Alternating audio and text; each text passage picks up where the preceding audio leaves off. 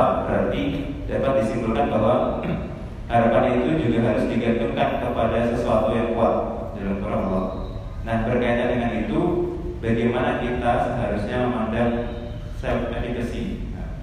Nah, psikologi. psikologi Apakah apabila kita memiliki self efficacy yang tinggi, itu artinya kita menggantungkan harapan kita pada diri kita sendiri? Terima kasih banyak Pak atas penjelasannya. Baik, ada dua pertanyaan ya. Eh, kalau mengenai musibah itu eh, kita harus paham ya, seperti yang kita sudah bahas di pertemuan sebelumnya bahwa yang namanya kehidupan itu ada empat ya. Jadi kehidupan alam roh, alam dunia, alam kubur dan alam akhirat. Nah, kehidupan yang hakiki itu di alam akhirat. Hidup di dunia ini hanya perjalanan. Ya. Di alam kubur juga masih dalam perjalanan, itu transit lah ya. Jadi kita itu kan di alam roh itu adalah di alam penciptaan, lalu kita melakukan perjalanan di dunia, transit di alam kubur, lalu baru pulang ke akhirat. Nah, pemahaman itu harus kita hayati betul sehingga kematian itu jangan dianggap sebagai sebuah musibah yang harus kita sesali atau kita membuat kita jadi sedih dan sebagainya. Ya sedih itu biasa lah, sedih akan kehilangan itu biasa. Tapi jangan berlarut-larut, ya. Apa yang bisa kita lakukan? Berdoa pada Allah. Dan orang yang meninggal itu bisa melihat kita. Kalau kita sedih, ditinggal itu nanti membebani yang sudah meninggal. Jadi orang yang meninggal itu eh, jangan dibayangkan dia harus kaku, terus nggak bisa apa-apa dan hilang dan sebagainya. Enggak, dia itu lepas dari jasadnya. Dan pada proses pemakaman itu kalau menurut sebuah hadis ya itu bisa dicek saya nggak hafal juga hadisnya benar seperti apa tapi e, pernah saya, di, di, saya, saya pernah mendengar penjelasan seperti itu ya e, orang yang meninggal itu bisa melihat apa yang terjadi proses pemakaman itu sehingga kalau di ketika apa kita menangis terus oh, memanggil-manggil itu berat dia jadi berat ya membebani tapi kalau kita ikhlas mendoakan ya semoga husnul khotimah terus kita memberi kesaksian bahwa yang meninggal ini adalah orang baik itu dia jadi ringan. Karena itu kesaksian itu akan menjadi apa nilai plus bagi amalan dia ya apa istilahnya itu bagi menjadi bagi bagian dari amal dia yang bisa meringankan beban-beban dia di alam yang lain ya. Jadi ini masalah pemahaman ya. Orang itu sedih kan karena salah paham sebetulnya. Makanya ilmu sekali lagi ilmu itu penting sekali untuk kita bisa uh, apa mengelola jiwa kita dan juga memperkuat keimanan kita. Nah yang kedua tadi uh, lupa ya saya tua tenan ya. Oh self efficacy psikologi. Semua konsep psikologi barat itu anchornya adalah self, ya. Karena mereka memang pada umumnya filsafatnya eksistensialis, hedonistik. Jadi kalau anda mau belajar psikologi yang benar, jangan percaya psikologi yang orientasinya self ya. Jadi self efficacy itu yang menggantungkan pada diri sendiri. Self reliance itu filosof apa? Values uh, valuesnya Amerika itu itu resmi itu. Self reliance independent dan sebagainya itu itu tidak cocok untuk kita. Karena kita itu menggantungkan dirinya pada Allah. Locus of control nggak cocok. Karena menurut mereka yang benar internal. Kalau eksternal itu salah. Padahal kita kan menggantungkan diri pada Allah itu eksternal. Ya bagi mereka itu enggak benar. Cuman memang kalau saya sudah saya teliti itu kemarin itu item-itemnya itu sebetulnya tidak sesuai dengan judulnya Jadi yang mereka sebut eksternal locus of control itu di item-itemnya itu sebenarnya bukan eksternal semuanya, tapi kalau kita tidak mau bertanggung jawab itu sebetulnya. Jadi judulnya eksternal locus of control, isinya itu adalah uh, uh, apa sikap tidak bertanggung jawab. Kalau itu betul, jadi kalau eksternalnya tidak mau bertanggung jawab itu memang jelek. Tapi kalau eksternal itu menggantungkan diri pada Allah ya kan? Seharusnya begitu. Gitu ya. Ini perlu dipahami bagi yang belajar psikologi. Semua psikologi itu mesti kata kuncinya self self efficacy self actualization self esteem self monitoring macam-macam. Ya kan ideal self. Memang eh, sekali lagi nasihat Imam Ghazali, kolam kita harus dikuras dengan Quran ya supaya air-air kotor itu tidak menghambat uh, kebenaran, tidak menghadap pemahaman kita tentang kebenaran. Jadi harus ikhlas, di flash ya, di flash itu di di, di ya di flash lah, disentor ya, dibersihkan, dikuras. Unlearn, Anda harus meng-unlearn, bukan berarti terus melupakan bukan loh ya. Artinya keyakinan anda harus dibersihkan. Bahwa ada orang bilang self efficacy self esteem self ini ya terima aja sebagai kenyataan tapi jangan diyakini. Karena itu sebenarnya keyakinan mereka bukan keyakinan kita. Sehingga kita tetap membahas itu tapi harus dikritisi gitu loh maksudnya. Bukan kok dilupakan pura-pura nggak tahu bukan gitu ya. Tapi dikritisi. Jangan dijadikan referensi ya. Itu hanya fenomena aja bahwa ada orang bilang begini ada orang bilang begitu ya. Uh, itu saya kira ya tadi ada ada lagi itu yang bertanya silakan.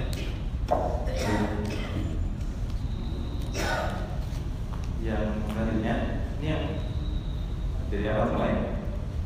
Mungkin yang dulu yang dulu biar adil gantian. Berkaitan tadi yang yang Pak Bagus baca? Yang karena mungkin menarik kalau bisa baca bukunya Bagus. Oh in the search anchor. In search for anchor tapi masih ini uh, baru mau dicetak ulang. Oh, ya. udah habis. Nggak ada? Gimana? Nggak tahu oke terkait mempertanggungjawabkan kebebasan manusia bagaimana menjelaskan kepada saudara non muslim yang beranggapan bahwa Islam itu tidak adil karena hanya Muslim yang masuk Islam. Dan yang, yang Muslim yang masuk Islam. Masuk surga maksudnya. Masuk surga. Sehingga ketika mereka sudah berbuat baik di dunia menurut versi mereka, namun tetap masuk neraka menurut ajaran Islam ini. Sangat. Nah. Itu yang selanjutnya jika terdapat terminologi hukum dan aspek dalam ekspektasi dalam harapan dan Bob sebagai respon terbaik untuk hukum kehidupan terjadi. Maka apakah manusia diperbolehkan untuk berekspektasi jika ia dalam keadaan seperti apa? Uh, pertanyaan pertama itu anda itu sebenarnya tidak perlu uh, Anda tidak bertanggung jawab terhadap apa yang dirasakan oleh orang yang tidak terima tapi Anda punya kesempatan untuk berdialog ya. Kalau dia merasa Tuhan tidak adil ya itu urusan mereka. Anda nggak usah ikut-ikutan terus merasa oh ya Tuhan kok tidak adil ya nggak usah ikut-ikutan gitu ya. Karena ada beberapa yang seperti itu. Ya Anda sampaikan aja bahwa apa yang kamu lakukan itu adalah tanggung jawabmu sendiri termasuk ketika kamu tidak percaya pada Tuhan. Itu juga harus kamu pertanggungjawabkan gitu aja. Jadi kamu berbuat baik oke bagus itu kamu akan uh, mendapatkan imbalannya gitu. Kamu tidak percaya Tuhan oke itu juga ada imbalannya jadi semua yang di, kamu lakukan, semua sikap yang kamu pilih, semua perilaku yang kamu pilih itu ada konsekuensinya yang harus kamu pertanggungjawabkan gitu. kamu tidak percaya Tuhan kok pengen masuk surga kan? Ya tidak logis. Ya nggak usah ngomong itu nanti dia marah toh. Artinya itu bagi kita sendiri ya. Eh, Wong syarat untuk masuk surga itu harus beriman pada Tuhan ya oh saya beriman pada Tuhan tapi Tuhan saya ya gitu. Ya berarti ya nanti Tuhanmu itu coba kamu minta surganya ada enggak? Kan gitu. Itu ada di Quran ya mereka yang apa eh, apa yang mempersekutukan Tuhan. Bahkan bahkan anu loh bukan bukan yang tidak beriman ya beriman tapi mempersekutukan Tuhan itu pun di challenge coba kamu minta tolong sama apa eh, sekutu-sekutu Tuhan itu. Bisa nggak nolong kamu? Mereka itu nggak bisa menolong dirinya sendiri. Kenapa kamu minta tolong sama mereka kan gitu? Jadi jangan di kafir kafirkan jangan di anu cuma disadarkan aja, disadarkan bahwa semua yang kamu lakukan itu konsekuensinya harus kamu pertanggungjawabkan. Jadi jangan didoktrin misalnya, bahwa kamu soalnya nggak percaya sama Allah ya masuk neraka, kan? Itu kan doktrin ya. Jadi kalau dia, kamu percaya Tuhan nggak? Percaya. Kamu berharap nggak masuk surga? Berharap. Ya, Tuhan yang kamu percaya itu punya surga nggak? ya punya ya berarti insya Allah semoga kamu nanti di anu, dimasukkan juga tapi yang kamu sembah itu siapa ya Tuhannya itu gitu kan logikanya toh. Jadi anda nggak usah susah nggak usah merasa bertanggung jawab nggak usah terganggu terus nggak usah ikut ikutan protes bersimpati terus ikut ikutan protes. Tuhan nggak adil ini orang baik teman saya itu nolong saya terus ya kok dia nggak masuk surga? Loh siapa tahu loh kalau dia itu nolongnya tulus dan sebagian terus dapat hidayah Anda belum tahu kan ada ketidakpastian. Anda kan harus selalu ada harapan Jadi jangan pernah merasa ini sudah final mas selama dia masih hidup itu dia bisa mendapat hidayah gitu loh dan kalaupun hidayah itu sayup-sayup terus nanti dia masuk neraka terus ketika anda nanti masuk surga insya Allah loh ya ini belum pasti juga tapi insya Allah gitu Terus Anda ingat teman Anda itu siapa tahu Tuhan mengampuni, Allah mengampuni. Kan ada janjinya itu. Kalau ada seorang sahabat yang apa e, masuk neraka terus dia dipanggil sahabatnya dari surga, kalau Allah mengizinkan dia bisa diselamatkan. Jadi Anda bisa menyelamatkan dia. Jangan usah Anda malah ikut-ikutan protes sama dia gitu, ya. Ini ini sikap ini penting sekali karena termasuk keponakan saya yang anak SMA waktu itu menanyakan hal yang sama ya dia terpengaruh oleh keluh kesahnya orang yang tidak beriman itu sehingga terus ikut-ikutan mengiyakan oh, oh ya kok Tuhan nggak adil? Lah itu kan jadi mesake ya. Padahal Allah itu sudah membuka pintu tobat sebesar selebar-lebarnya membuka pintu ampunan selebar-lebarnya. Bahkan ketika orang itu ya beberapa menit lah sebelum sakaratul maut itu bertobat itu sudah masuk surga Tapi kalau sudah sakaratul maut sudah nggak bisa. Karena sakaratul maut itu anda sudah melihat malaikat, sudah melihat alam roh, ya.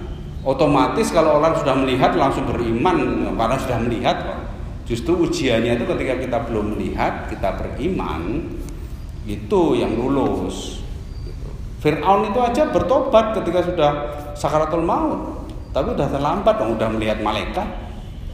Ya kalau orang udah melihat malaikat itu mesti langsung percaya pada yang goib ya percaya pada Allah percaya pada hari akhir langsung.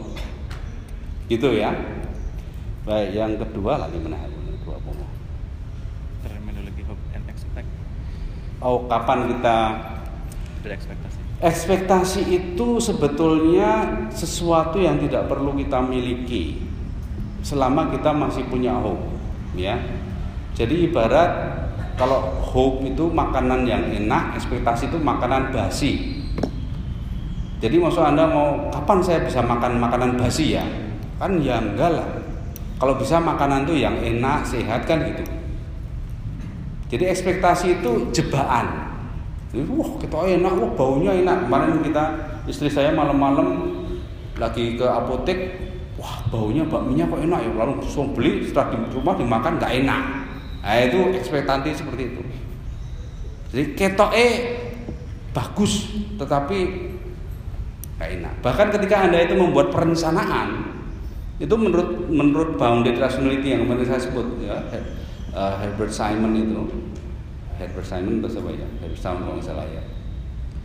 Itu jangan mendasarkan pada ekspektasi tapi hope. Artinya apa?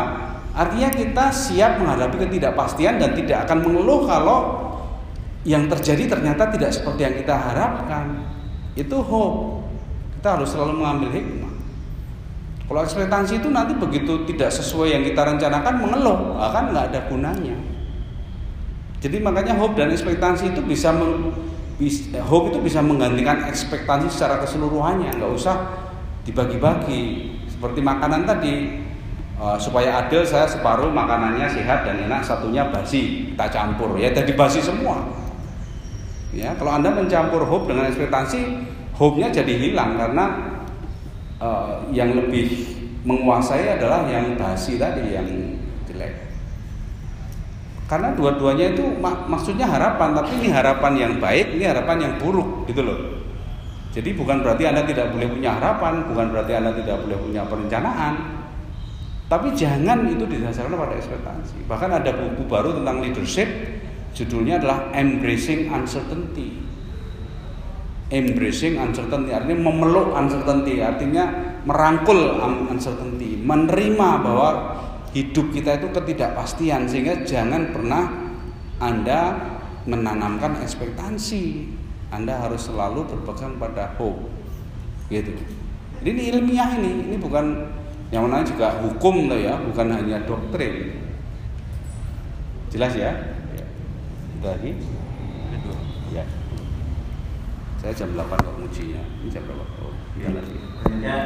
bagaimana menanamkan tiga hal tadi pada orang yang sudah memiliki karakter kuat yang berkebalikan dari tiga poin tadi. Yang kedua, bagaimana dengan sikap waspada yang harus dimiliki untuk menjaga diri dari bahaya dikaitkan dengan tiga hal tadi. Ya, uh, kalau orangnya sudah merasa kuat dan susah dikasih tahu, itu bukan tanggung jawab kita untuk mengubah dia kita hanya bertanggung jawab mengingatkan. Kalau tidak mau itu tanggung jawab dia. Ya, kita bertanggung jawab mengajak dialog. Kita uh, apa? Boleh mengkritik boleh, ya. Jadi uh, diajak ngobrol aja, diajak ngobrol, dikasih perspektif yang berbeda, kasih argumen yang anu. Kalau dia tetap tidak mau berubah itu bukan tanggung jawab anda. Jadi sekali lagi eh, dakwah itu itu prinsipnya sama. Anda tidak tidak dakwah itu nggak ada targetnya ya. Jangan menargetkan saya sebulan itu harus bisa me, menyadarkan 10 orang. Nah itu anda artinya sudah menanamkan ekspektasi.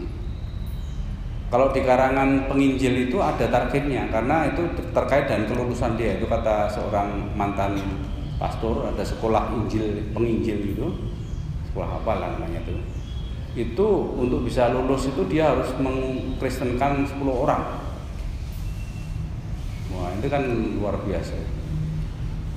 Ya ya itu jangan itu adalah menurut saya cara yang keliru dalam berdakwah ya seorang muslim Berdakwah itu adalah menyampaikan satu ayat pun boleh.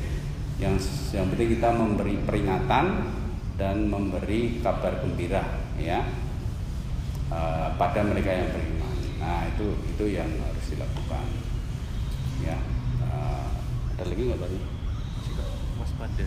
Uh, sikap waspada itu takwa itu. Jadi anda, makanya kita tuh harus selalu meningkatkan ketakwaan. Ketakwaan itu artinya sikap waspada, berhati-hati, jangan mudah terombang-ambing isu, jangan mudah terhanyutkan oleh uh, pendapat umum, oleh sosmed, hoax lagi, gitu. Termasuk juga kampanye-kampanye. Sekarang ini kan sudah mulai kampanye presiden, ya. Uh, Pancasila jadikan kampanye saya Indonesia saya Pancasila kamu siapa? Wah gitu kan. Itu itu apa propaganda-propaganda seperti itu jangan membuat anda goyah lalu anda harus bertakwa harus berhati-hati harus dipikir ya nazar tafakur tafakuh ya tafakur tadab tadabur tadakur tadabur ya, dan seterusnya tadi ya. Gunakan akal 500 dokter membuat petisi kebangsaan. Jangan langsung kagum jangan langsung wah hebat dan sebagainya. Tanya dulu ini apa sih sebetulnya maksudnya? Siapa mereka? Ya. Apa pesan yang disampaikan? Apakah ini uh, apa murni tulus? Apakah ini kebenaran atau ini ke ketidaktahuan? Ataukah ini uh, agenda politik ataukah ini ketulusan? Nah itu harus dipertanyakan harus ditafakur ya ditafakuh digali. Jangan asal uh, terbius anu uh, iklan ya. Sama kalau anda ada iklan sabun atau iklan rokok apalagi ya. Iklan rokok itu selalu menipu karena mesti orangnya jantan keren. Padahal orang rokok itu giginya rompal semua jantungnya ya mukanya pada rusak kulitnya pada kempot itu kan. Tapi kalau di iklan kan keren. Jangan mudah terkecoh oleh iklan ya oleh propaganda. Itu hati-hati di situ ya. Jangan mudah goyah oleh uh, apa intimidasi maupun uh, apa istilahnya itu persuasi ya dan sebagainya. Jadi ini ketakwaan itu takwa itu berhati-hati itu ya dengan menggunakan ilmu lagi sekali lagi kita kembali ke prinsip ilmu sebagai eh, fondasi atau sumber kekuatan dari iman tadi. Jangan pernah lepas dari disiplin keilmuan itu, disiplin kognitif dan disiplin akal itu ya. Baik. Dari yang ya deh. Udah paham semua ya terakhir. Ada kan? Oh,